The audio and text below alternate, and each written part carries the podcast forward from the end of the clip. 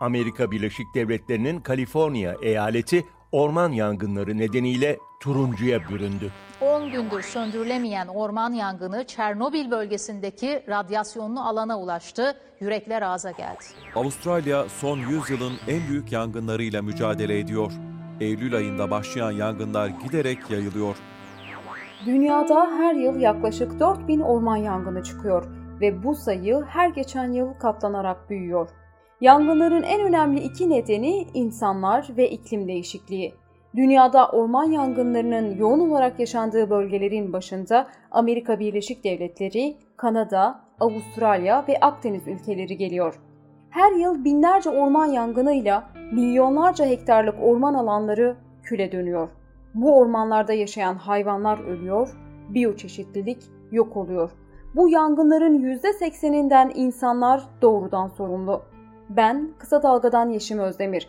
Bu podcast'te orman yangınlarını ele alacağız ve bu yangınların etkilerini, nedenlerini ve sonuçlarını değerlendireceğiz. Haber podcast'le buluştu.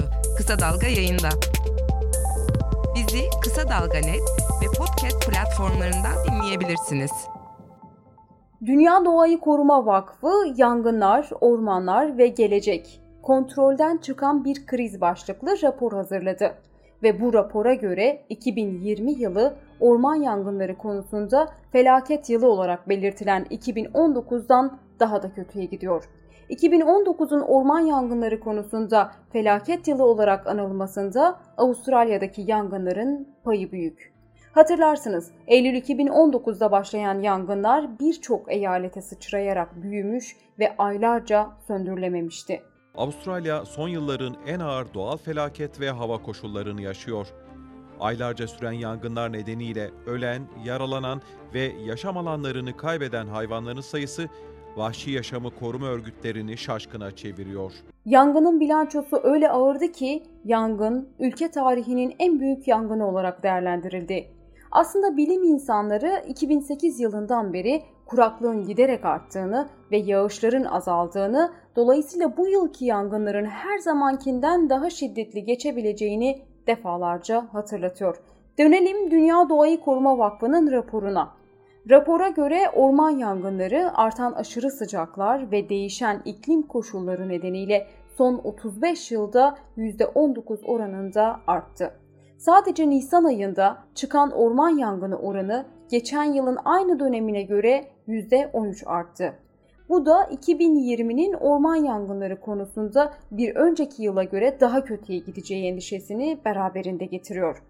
Yangınların önemli sebeplerinden biri de insanlar. Raporda yangınların bir kısmının bilinçsizce yapılan insan hataları ya da ihmaller sonucu meydana geldiği belirtiliyor. Ayrıca büyük bir bölümünün de insanlar tarafından kasıtlı olarak çıkarıldığı belirtiliyor ve orman yangınlarının birçok ülkede ekonominin bir parçası haline geldiği vurgulanıyor. Raporun detaylarına Dünya Doğayı Koruma Vakfı'nın web sitesinden ulaşabilirsiniz. Gelelim Türkiye verilerine. Türkiye içinde durumun çok iç açıcı olduğunu söyleyemeyiz. Türkiye'de her yıl ortalama olarak 2500 orman yangını yaşanıyor. Küresel ısınma, kuraklık ve iklim değişikliği gibi ekolojik etkilerin sonucu olarak da bu rakam her geçen yıl büyüyor. En son Hatay'da yaşanan orman yangınının kontrol edilemez boyutlara ulaşmasıyla yangın yerleşim yerlerine sıçradı. Birçok ev, iş yeri ve araç kullanılamaz hale geldi. Belen, İskenderun ve Arsus ilçelerine yayılan yangında yaklaşık 3500 hektarlık bir alanın yandığı belirtiliyor. 2020 verileri henüz tamamlanmadı ama şimdiye kadar yaklaşık 4099 hektarlık orman alanının yandığı belirtiliyor. Orman Genel Müdürlüğü'nün verilerine göre 2019'da 2688 yangın ile 11332 hektar orman alanı yandı. Bu yangınların 1309'unun faili meçhul. 883'ünün sebebi ise ihmalkarlık. Nedeninin kasıt olduğu düşünülen yangınların sayısı da çok az değil, 124. Özellikle kıyı bölgesindeki yangınlar genel itibariyle kasıtlı yangınlar kategorisinde değerlendiriliyor. Bunlardan biri de geçtiğimiz günlerde tanıklık ettiğimiz Adrasan yangını.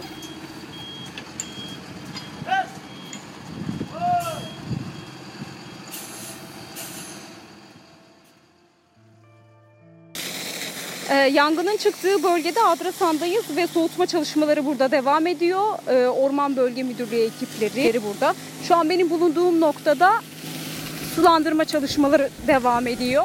Geçtiğimiz günlerde burası cayır cayır yandı.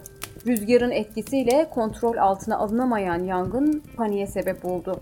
Bölgeye giriş çıkışlar kapatıldı. Yerleşim bölgelerinin tahliye edileceği gündeme geldi. Neyse ki buna gerek kalmadı.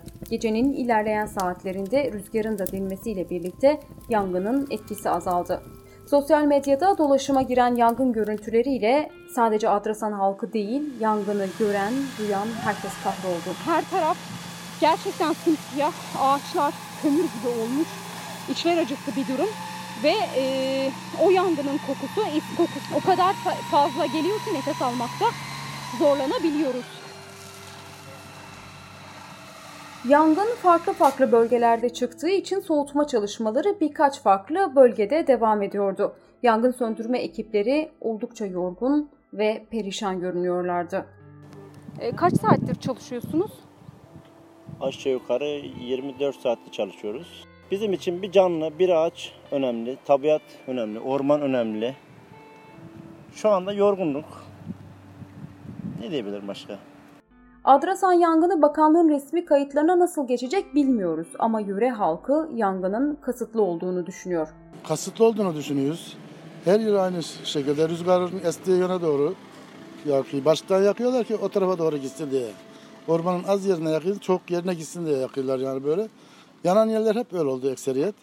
Onun için kasıtlı olduğunu düşünüyoruz biz. Bir yangın sonrası düşünülen ilk şey o bölgenin imara açılacağı oluyor. Genellikle insanlar o bölgede yapılaşma planı olduğu için yangının kasıtlı olarak çıkarıldığını düşünüyor ya da büyük şirketlerin, holdinglerin işin içinde olduğu başka ekonomik planlar olduğu düşünülüyor. Küçük bir Google taraması yaptığınızda karşınıza onlarca bu tarz haberler çıkacaktır ve hepsi de yılan hikayesine dönen çok katmanlı mevzular. İşin içinden çıkamıyorsunuz. Gerçekten kılıfına uydurulup buralar her yangın sonrası imara mı açılıyor yoksa yetkililerin dediği gibi yangın sonrası bir yerin imara açılma durumu söz konusu değil mi? İstanbul Üniversitesi Cerrahpaşa Orman Fakültesi öğretim üyesi Profesör Doktor Doğanay Tolunay bu soruyu şöyle cevaplıyor. E, bir yere otel verecekseniz veya otel yapılacaksa yakmaya gerek yok. Bugün Türkiye'nin ormanları yaklaşık 22.7 milyon hektar. Bunların neredeyse tamamı çok istisna özel öneme sahip mini parkların çekirdek zonları, sıkı korunan alanlar hariç olmak üzere e, kabaca 22.7 milyonun 20 milyon hektarında her türlü oteli yapabilirsiniz, madencilik faaliyetleri yapılabilir, çöplük yapabilirsiniz.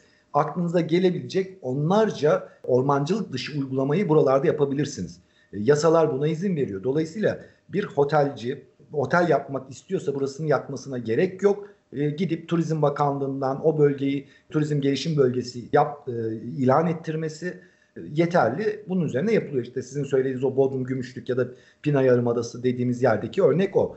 Profesör Doktor Doğanay Tolunay çok önemli bir noktaya değinerek sorunu yanlış yerde aradığımızı, çözüm için yanlış yöne baktığımızı gösteriyor. Şimdiye kadar 700 bin hektarlık orman alanı madencilik faaliyetleri, otel, üniversite kampüsü, hayvan barınağı, cezaevi, okul, sağlık tesisi, yol, köprü, havaalanı, baz istasyonu, elektrik boru hatları için kullanılmış.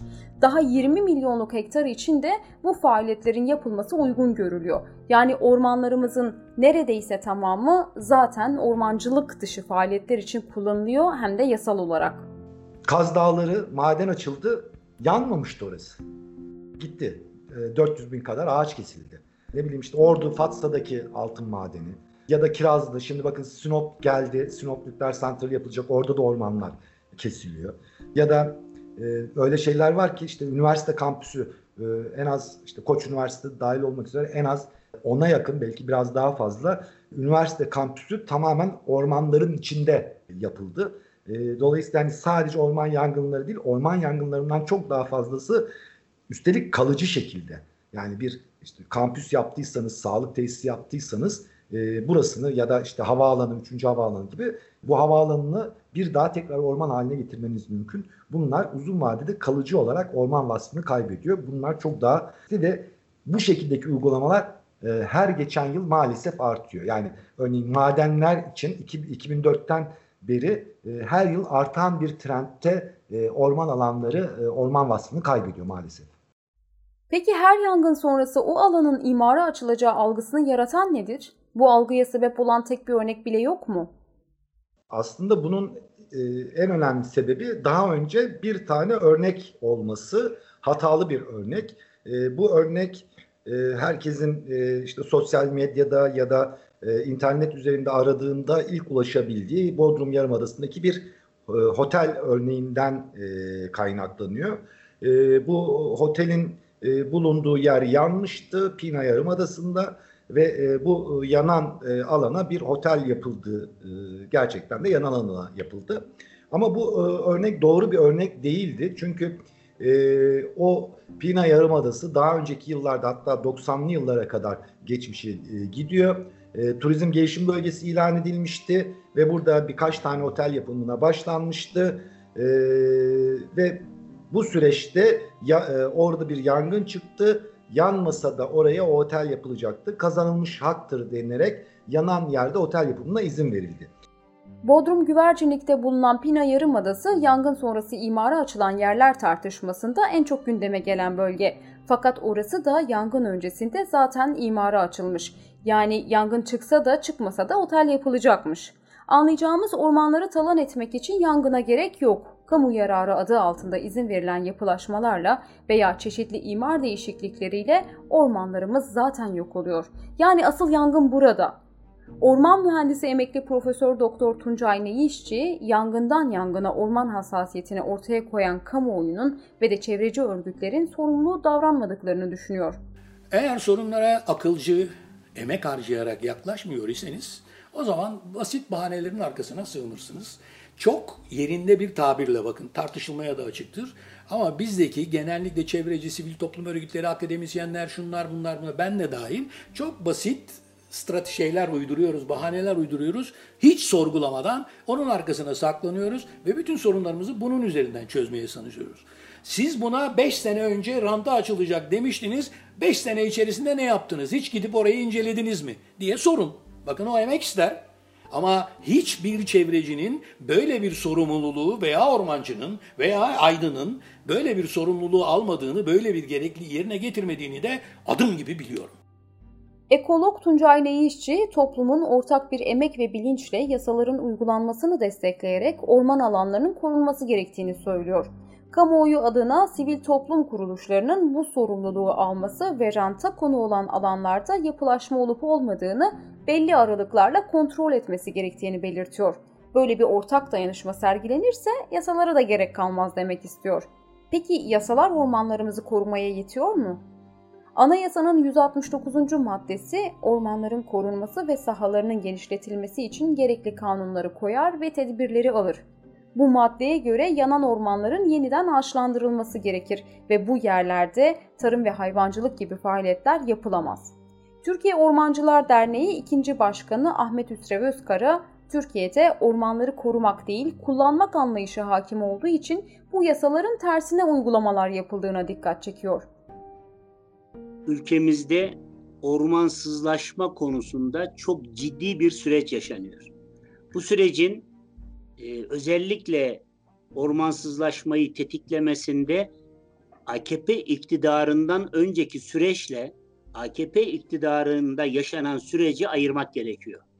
Doğru, geçmişte de bir takım hatalar yapıldı. Gerçekten e, yanlış uygulamalar söz konusu oldu ve orman alanlarından kayıplarımız oldu. Bunlar doğru. Ama özellikle 2002'den sonra öyle bir anlayış hakim oldu ki sanki ormanları korumak değil de kullanmak tek hedef. Ne kadar ormanları kullanmaya açarsak o kadar ekonomik anlamda işte ülke ekonomisine katkı sağlarız. Buradan elde edeceğimiz gelirler bizim için önemlidir.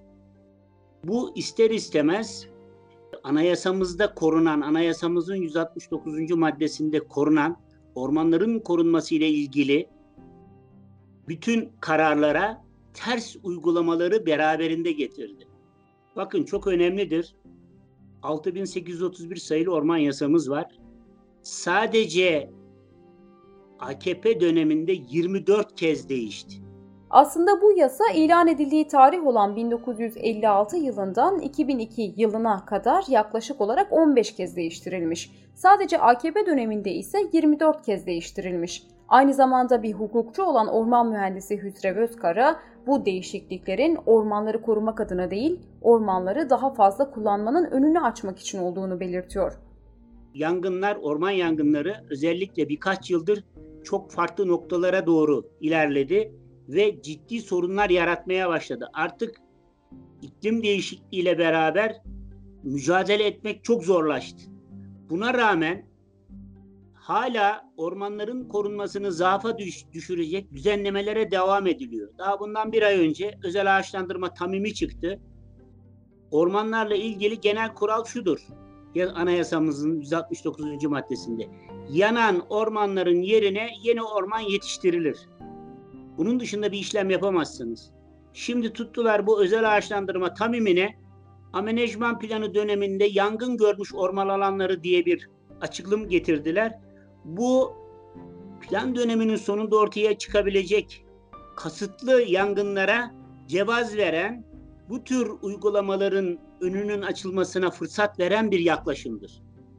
Dolayısıyla yapılan düzenlemelerde ben iyi niyet görmüyoruz. Yani kurum olarak, Türkiye Ormancılar Derneği olarak biz iyi niyet görmüyoruz. Bir başka boyut, ülkemizde odun ve tomruk üretiminin 2002'li yılların başında 13 milyon metreküptü. Bugün 30 milyon metreküpe çıktı. Neredeyse 3 katı.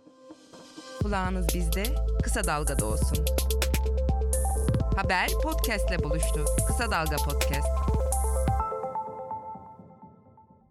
Ülkemizde gelişmiş olan ahşap ürünler sektörüne ham madde sağlanabilmesi için yaşlanan ormanların gençleştirilmesi, sık büyüyen ağaçların seyreltilmesi gibi çeşitli uygulamalarla ağaçlar kesiliyor.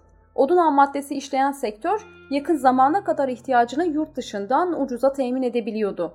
Ekonomideki istikrarsızlıklar nedeniyle yurt dışından getirilen odun ham maddesi pahalıya patlayınca odun işleyen sektörler Orman Genel Müdürlüğü üzerinde baskı oluşturmaya başladı. Bu baskı sonucunda orman mühendisi Hüsrev Özkara'nın belirttiği gibi odun ham maddesi üretimindeki artış katlanarak büyüdü. Bir ağacın ölüsünün derisinden daha değerli olduğu ahşap endüstrisinde odun arz açığının kapatılması için endüstriyel ağaçlandırma çalışmaları yapılması gerekli görülüyor. Yani en kısa zamanda en fazla odun üretimi sağlanmaya çalışılıyor. Fakat bu uygulamalar bilimsel veriler ışığında yapılmadığında veya alanın özel durumu ve imkanı değerlendirilmediğinde ormanların geleceği açısından risk oluşturuyor. Şimdi tam burada Adrasan yangınında konuştuğumuz yerli esnaftan Musa Silahçılar'a tekrar bir kulak verelim. Peki kasıtlı olduğunu düşünüyorum dediniz ya. Kasıtlı olduğunu düşünüyoruz zaten. Yani binlerce kişi bunu düşünüyor Adrasan'da. Niyetleri ne? Niyetleri ne işte orman işletmecilerinin yani şirketlerin boş kaldığı zamanlar mı oluyor? Satış mı yapamayanlar, odun mu ihtiyaçları var, ağaç mı ihtiyaçları var onu bildiğimiz yok. Musa amca yangının kasıtlı olduğunu düşünüyordu ve kasıtlardan birinin de orman işletmecilerinin odun ihtiyacını karşılamak olabileceğiyle değinmişti.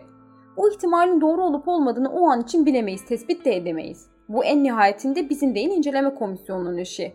Fakat üzerine yoğunlaşmak için yangın sonrasında birkaç gün daha bölgedeki çalışmaları izledik. Yangının üçüncü gününde soğutma çalışmaları yerini başka bir çalışmaya bırakmıştı.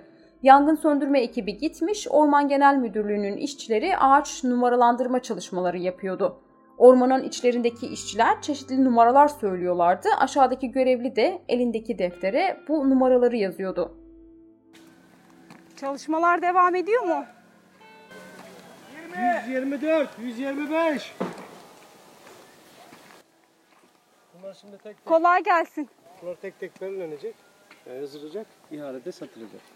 Efendim? Bunlar şimdi tekrar tek tek işaretlenecek, yazılacak. Bunlar ihale usulüyle tekrar Satılacak. satılacak. Nasıl anlamadım? Bu yanan bölgeler mi? Şimdi şunun e, kabuk yanar, iç kısmı yanmaz. Kabuk yanar, iç kış. İç kısmı yanmaz. Ağaçlar Normalde- mı? Normalde yangın tepeye çevirdiği zaman sadece şu gövdede kararma olur. İç kısmı çürümez bir şey olmaz yani. Yoksa bunlar kuruyacak, çürüyecek yani. Bunları kesip fidanı tekrar yetiştireceğiz. tane O şekilde. orası, bir tane ölçekek. Sesimdeki şaşkınlığı fark ettiniz değil mi? Anlam veremedim çünkü duyduklarıma. İlk defa böyle bir şey duydum. Böyle bir çalışmaya denk geldim ve tam olarak ne anlamam gerektiğine de karar veremedim. Bir taraftan Musa amcanın söyledikleri aklıma geliyor ve haklı olabilir mi diye düşünmeye başlıyorum. Öbür taraftan da ilk defa tanık olduğum bu çalışma konusunda e, detaylı araştırma yapmadan bir algıya kapılmamam gerektiğini düşünüyorum. Ama her şeyin kılıfına uydurulduğu bu güvensiz ortamda elbette benim de aklıma şüphe tohumları düşüyor. Hele ki bu ağaçlar ihaleyle satıcı, satılacak cümlesini duyunca içim bir sızlamadı değil. Fakat sonrasında bu dosyayı çalışırken öğrendim ki her yangın sonrası bu çalışmaların yapılması ve yanan ağaçların muhakkak kesilmesi gerekiyormuş. Burada önemli olan bu çalışmaların bir istismara ve fırsata dönüşmemesi için inceleme komisyonları tarafından gerekli denetim ve incelemelerin hemen yangın sonrasında yapılması. Ayrıca yasaların boşluk bırakmayacak şekilde belirlenmesi gerekiyor. Aksi halde Ormancılar Derneği'nden Hüsrev Özkara'nın da belirttiği gibi yanan alanlar istismara açık hale geliyor. Bu çıkan özel ağaçlandırma tamimi, bu yeni çıktı daha bir buçuk ay oldu. Bakın söylüyorum, amenajman planı döneminde yangın görmüş orman alanları diyor. Peki plan döneminin sonunda, e, plan dönemi, yeni plan dönemi ortaya çıkacak olan o boşlukta yangın görecek olursa, yani verimsiz ormana dönüştürülecek olursa Bununla ilgili bir boşluk neye hizmet eder? Ne amaç, ne amaca hizmet eder? Dolayısıyla bu konunun farkında ya da bilincinde olan insanları kontrol etmek çok zordur.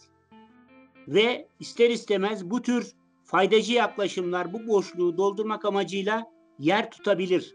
Bakın bu basit bir konu gibi görünüyor ama maalesef ülkemizde vatandaş bu konularda son derece uyanık.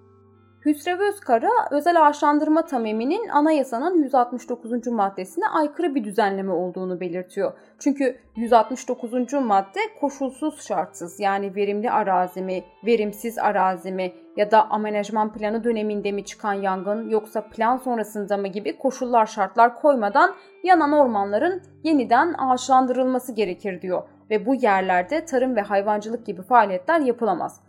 Yani mutlak olarak ağaçlandırmak zorunludur. Ama bu tamimle ortaya konulan verimli verimsiz alan tartışması, plan dönemi dışında kalan yangın alanları gibi muğlak tanımlamalar ileride hukuksal anlamda boşlukların oluşmasına sebebiyet verebilir. Şöyle ki yasada verimsiz alanlarda özel ağaçlandırmaya gidilebilir diyor. Yani kişiler o alanlarda ağaçlandırma yapmayı talep edebilirler. Ve orman alanları kasıtlı olarak verimsiz alanlara dönüştürülerek orman vasfı kaybettirilebilir. Bu durum o alanların tarım ve hayvancılık için kullanımıyla da olabilir. O alana tarla ekmek veya meyve ağaçları ekmekle de olabilir. Özel ağaçlandırmanın kapsamı içinde de belli oranlarda yapılaşmaya izin veriliyor. Bu yapılaşma belki başlarda küçük bir kulübe olabilir ama ileride daha fazla hak talep etmenin önünü açabilecek uygulamalar da söz konusu olabilir. Yani çok istismara açık bir durum. Bu da orman yangınları riskini artıran bir faktör olarak karşımıza çıkabilir. Özkara bu ve benzeri tehlikelerin oluşması ihtimaline mahal vermeyecek net yasal düzenlemelerin olması gerektiğini vurguluyor. Orman yangınları ile ilgili bir başka muğlak kalan konu da yangınların nedenleri belirtilirken kasıtlı, faali meçhul veya ihmalkarlık gibi kesin bilgi içermeyen başlıklarla veriler belirleniyor. Ekolojist Tuncay Neyişçi bu sorunu ülkemizde yangın uzmanı olmayışına bağlıyor. Örneğin kasıtlı yangın dediğimizde ne anlamalıyız? Nasıl kasıtlar olabilir bunlar? Bilmiyorum. Bakın Türkiye'de 10 tane 10'un üzerinde orman fakültesi var. Bunların ilgili bölümleri de var orman yangınlarıyla. Buradan söylüyorum. Bu bölümlerdeki meslektaşlarımdan hangisi bu sorunun cevabı üzerinde bir araştırma yapmış? Şimdi kasıt dediğiniz zaman Orman Bakanlığı'na bakın. Bunlar bütün istatistiklerde vardır. Ve işin çok daha ilginç tarafı 80 seneden beri bu istatistikler tutuluyor. Bu rakamların hiçbirisi aşağı yukarı değişmemiştir. Bana şimdi akademisyen olarak veya Orman Genel Müdürlüğü'nde teknisyen olarak çalışanlardan herhangi birisi şu sorunun cevabını verebilir mi? Bu kastı yapanların yüzde kaçı kadın, yüzde kaçı erkektir? Yüzde kaçı hangisi hangisi yani bunların yüzde kaçı ilkokul mezunudur, yüzde kaçı üniversite mezunu var mıdır böyle bir rakam? Bakın alt başlıklara girdiğiniz zaman hiçbir sorunun cevabını verebilecek hazırlıkları yok. O zaman siz kastın olduğunu nereden bileceksiniz veya kastı engellemek için nasıl tedbir alacaksınız? Türkiye Erozyonla Mücadele, Ağaçlandırma ve Doğal Varlıkları Koruma Vakfı yani bilinen adıyla TEMA Vakfı Genel Müdür Yardımcısı Doktor Hikmet Öztürk ise bu verilerin Orman Genel Müdürlüğü'nce yeterince ayrıntılı aktarıldığını düşünüyor. İstatistiklere baktığınızda aynı istatistikler altında bunların altlarının açıldığını görüyoruz. Mesela ihmal diye niteledikleri anız, çöplük, çöplüklerden çıkan yangınlar, avcı ateşleri, çoban ateşi, sigara, piknik ateşlerinden çıkan yangınlar şeklinde gruplandırarak istatistikler veriliyor. Bunları paylaşıyor Orman Genel Müdürlüğü açıkladığı resmi istatistiklerde. Kast olarak baktığımızda terör olup olmadığını, kundaklama olup olmadığını ya da ormanda açma maksadıyla yangın yakılıp yakılmadığını da yine paylaşıyor. Kaza şeyine koydukları ise enerji, trafik ve e, diğerleri diye. Bu anlamda e, istatistiklerin yeterince e, paylaşıldığını düşünüyorum ben. İklim krizi de düşünüldüğünde orman yangınları hem dünyamız hem de ülkemiz için gelecek günler için mücadele etmemiz gereken ciddi sorunlardan biri. Fakat mücadeleye hazırlıklı olmak için önce bu sorunun çok iyi bilinmesi, nedenlerinin belirlenmesi gerekiyor. Bu mücadeleye gönül veren vakıf ve dernekler, sivil toplum kuruluşları aynı sorunlar için aynı çözümleri uygun görmüyor. Bu dosyayı hazırlarken ihtiyacım olan birçok veriye ulaşamadım mesela. Ulaşabildiklerim de çeşitli kaynaklara göre farklılık gösteriyordu. Örneğin Türkiye verileriyle uluslararası örgütlerin verileri arasında çok ciddi rakamsal farklılıklar var ve bu farklılıkların kaynağı da belirtilmiyor. Durum böyleyken orman yangınlarıyla mücadelemiz göremediğimiz bir hayaletle savaşmaktan başka bir şeye benzemeyecek. Tema Vakfı Genel Müdür Yardımcısı Doktor Hikmet Öztürk bu sorunları şöyle değerlendiriyor. E, orman yangınları ile ilgili istatistikleri iki şekilde değerlendirelim. Birincisi anlık paylaşılan veriler. E, yani bir orman yangını oluyor ve sonrasında şu kadar hektar e, alan verildi diyor ya da yangın esnasında bir tahmin yapılıyor. Sonra bir diğer ikincisi ise yayınlanan yıllık istatistik verileri. Birincisiyle ilgili olarak eğer açıklamalar yangın esnasında yapılmışsa yangın devam edilirken verilen bilgileri zaten dikkate almamak lazım. Yangın söndürüldükten sonra olan bilgileri dikkate al, al, almak lazım. Bu alan büyüklükleri de zaten e, Orman Genel Müdürlüğü çok rakam açıklamıyor e, yangın büyüklükleriyle ilgili web sayfasında da görüldüğü üzere ama uydu görüntülerinden rahatlıkla alan büyüklükleri tespit edilebiliyor. Bir diğer e, şey yıllık istatistiklerle ilgili. E, bunda da iki noktaya bakmak lazım. Ulusal e, verilerle diğer uluslararası kaynaklardan verilen örneğin Avrupa Birliği'nin EFRIS bilgileri yayınlıyor. Bir diğeri ise Global Forest Watch'un altında Forest Fire denilen bir modül var. Oradan da anlık yangınları takip edebiliyorsunuz.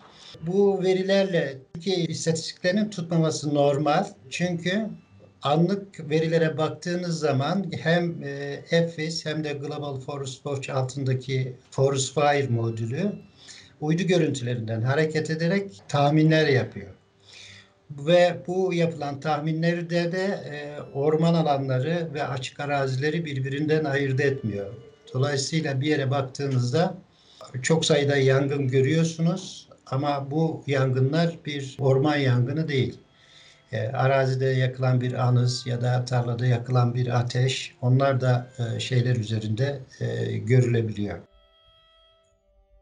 Evet ama Orman Genel Müdürlüğü'nün verilerinin yereldeki dernek ve vakıflarla da ciddi rakamsal farklılıkları var. Örneğin Ağustos 2019'da İzmir Menderes'te çıkan yangında yanan orman alanı Türkiye Ormancılar Derneği tarafından 6647 hektar olarak tespit edilmişti. E, birçok dernek, vakıf ve sivil toplum örgütlerince de aşağı yukarı bu rakama yakın bilgi verilmişti. Fakat Orman Genel Müdürlüğü verilerinde 500-600 hektar olarak belirtilmişti. Bu ciddi farklılık uzun süre tartışma konusu olduğunda Orman Genel Müdürlüğü veriyi 4346 hektar olarak değiştirmişti. Orman Genel Müdürlüğü normal istatistiklerde verdiği verilere karşı bir elbette bir güvensizlik var halk arasında. Bunun ayrıntılı çalışmadan yeniden tesisi çok mümkün olmaz ama yangın alanlarının küçük gösterilmesinin ormancılık teşkilatına da e, çok e, bir yarar sağlamayacağını düşünüyorum. Çünkü yangını kontrol etmek açısından kendilerini kontrol etme, başarılarını takip etme açısından bu bilgilerin doğru tutulması, istatistiklerin doğru tutulması önemli. Yangınlarla veya diğer hatalı insan kullanımlarıyla yok olan bir ormanlık alanın yeniden orman ekosistemine dönüşmesi için ağaç türlerine göre değişmekle birlikte yaklaşık 25-30 yıla ihtiyacı var.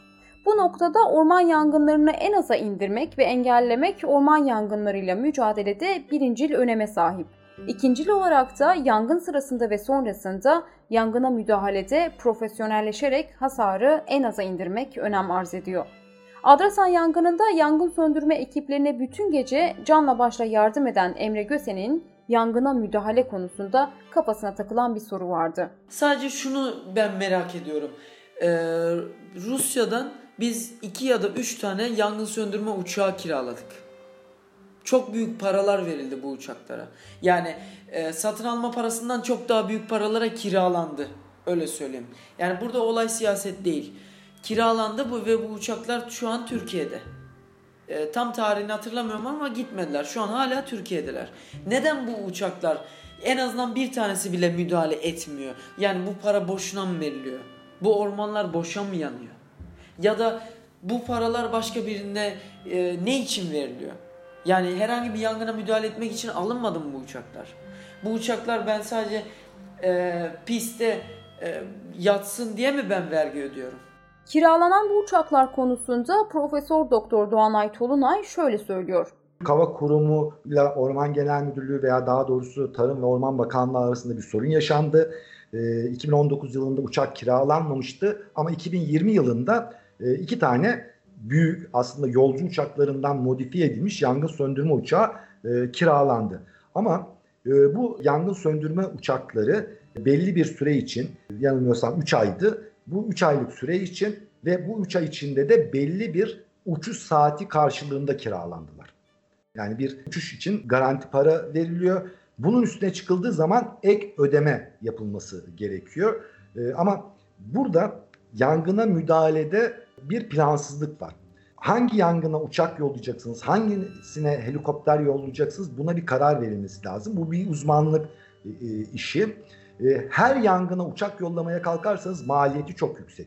Ve Türkiye'de bu yıl çok sayıda yangın çık, çıkması dolayısıyla çoğu yangına da uçaklar gönderildi ama 10 Eylül itibariyle uçakların o yurt dışından kiralanan iki tane Rus uçağının uçuş garanti uçuş saatleri maalesef doldu. Orman yangınlarıyla mücadeleye zarar veren unsurları sıralamaya çalıştık. Peki bu sorunları nasıl halledeceğiz? Biraz da sorunun çözümleri üzerinde duralım. Yanan orman alanlarının yeniden ağaçlandırılması, yangınla hasar gören arazilerin en kısa sürede orman ekosistemine dönüşmesi açısından çok önemli bir çalışma. Ve bu çalışmada muhakkak ormanın kendi ekolojik özellikleri dikkate alınarak uzmanlarca belirlenmiş belli kurallara göre yapılması gerekiyor. Fakat kamuoyunda oluşan yangın hassasiyeti nedeniyle ağaçlandırma çalışmalarında çok yanlış uygulamalar yapılıyor. Şöyle ki kamuoyu baskısı nedeniyle yanan alanlara hemen ağaçlandırma kampanyaları yapılıyor. Oysa ki ormanın türüne göre belli bir süre beklenmesi gerekiyor. Hatta bazı ormanlar kendi kendilerini doğal olarak yenileyebildikleri için ağaçlandırmaya gerek bile kalmıyor. Akademisyen Doğanay Tolunay bu durumu şöyle bir örnekle açıklıyor. Yanan orman alanının hangi türlerden oluştuğunu e, değerlendirilmesi gerekiyor. Ee, dediğim gibi e, ülkemizde e, Ege Akdeniz'de çıkan yangınların büyük bir çoğunluğu Kızılçam ormanlarında. Kızılçam e, orman yangınlarına uyum sağlamış bir tür.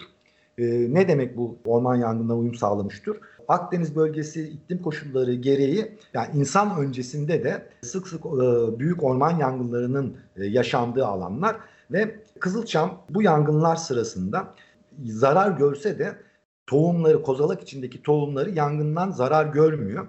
Ve yangın sonrasında Kızılçam'ın kozalakları açılarak tohumları külün içine düşüyor. Normal zamanda ormanda, Kızılçam ormanında gezdiğiniz zaman kalın tabaka yandığı için ve tohumlar e, külün içine düştüğü için hemen e, orada çimlenmeye başlar. Ülkemizde her yıl ortalama 2500 yangın çıkıyor ve bu yangınların %90'ının insan kaynaklı olduğu belirtiliyor. Aslında orman yangınları konusunda bu kadar hassasiyete sahipken öbür taraftan bu yangınların çoğunun sebebi olmak büyük bir çelişki yaratıyor. Ekoloji uzmanı Profesör Doktor Neyişçi bu durumun insan-orman ilişkisinin yetersiz olmasından kaynaklandığını düşünüyor. Eğer siz topluma ormanların kendi sağlıkları için, yaşamları için, ekonomileri için ne kadar önemli olduğunu anlatmamış iseniz, Orman Bakanlığı olarak e, başka hiçbir alanda başarılı olmanız söz konusu değildir. Neden? Bakın şimdi bir şey söyleyeyim. Yani hafta sonlarında herkes ormana gidiyorlar, geziyorlar. Orman Bakanlığı'nın böyle bir şey yaptığı yok. Bu gidenlerin çoğu, ben de bir başlatanlardan birisi olduğum için söylüyorum, bana şikayetler de geliyor. Gidiyoruz ormana işte dolaşıyoruz, yürüyüp geliyoruz. Ne taşı üzerine, ne toprağı üzerine, ne ağacı üzerine, ne bitkisi üzerine bir bilgi aktarımı yok. Orman Bakanlığı'nın elinde 40 küsür tane milli park var. Gidin Amerika'daki milli parklara bakın. Nasıl eğitim merkezleri olarak çalışıyor. Onun içinde bütün Amerikalılar milli parklarını gözleri gibi koruyorlar. Yani ormanlarını gözleri gibi koruyorlar. Niye? E çünkü o milli parka gittiği zaman bilgisini alıyor, geziyor, ediyor falan. Hiçbir milli parkımızın bir iki tanesi hariç ziyaretçi kabul merkezi yok.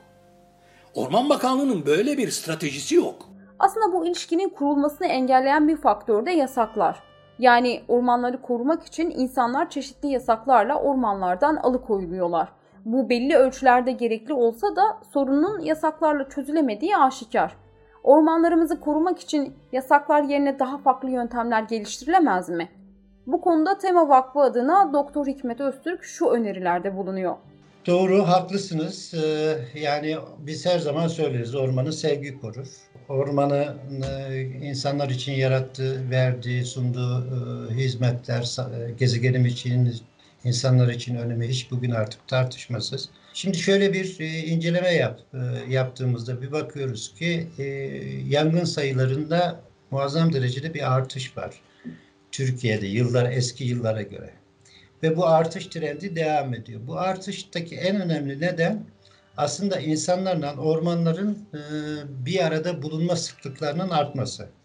Elbette daha çok bir araya gelsinler, sıklıklar olsun ama insanlar da ormanlarımızın büyük bölümünün yangın riski yüksek ormanlar olduğunu bu, düşünerek ormanda ateşe ne ateş yakma ya da ateşi uzaklaştıracak her türlü tedbiri alması gerekiyor. Türkiye Ormancılar Derneği 2. Başkanı Ahmet Hüsrev Özkara da orman alanlarını korumak ve orman yangınlarıyla mücadele noktasında toplum bilincine ve kurumların ortak çalışma yürütmesi gerektiğine vurgu yaparak şu çözüm önerilerinde bulunuyor. Yangın öncesi, yangın sezonu açılır. Açılmadan önce gerçekten ben iyi bir eğitime ihtiyaç olduğunu ve bu eğitimin gönüllüler üzerinden onların bu konudaki e, doğaya bakışları, ormanlarımıza bakışları, onların korunması için neler yapılması gerektiğini iyi anlatmak gerekir. Yani vatandaşa, sivil vatandaşa, sivil toplum örgütlerine sahip çıkacak olan, büyükşehir belediyelerine, onlarla işbirliği yapılmasına, onların elindeki imkanları, nedir imkanlar? Bir itfaiye teşkilatı var. Onlar yapıların olduğu yerdeki yangınlara müdahale ediyorlar. Açık alan yangınları konusunda tecrübeleri yok. Dolayısıyla artık bundan sonraki süreçte bunu birleştirmemiz gerekir. Bizi Kısa Dalga ve podcast platformlarından dinleyebilirsiniz.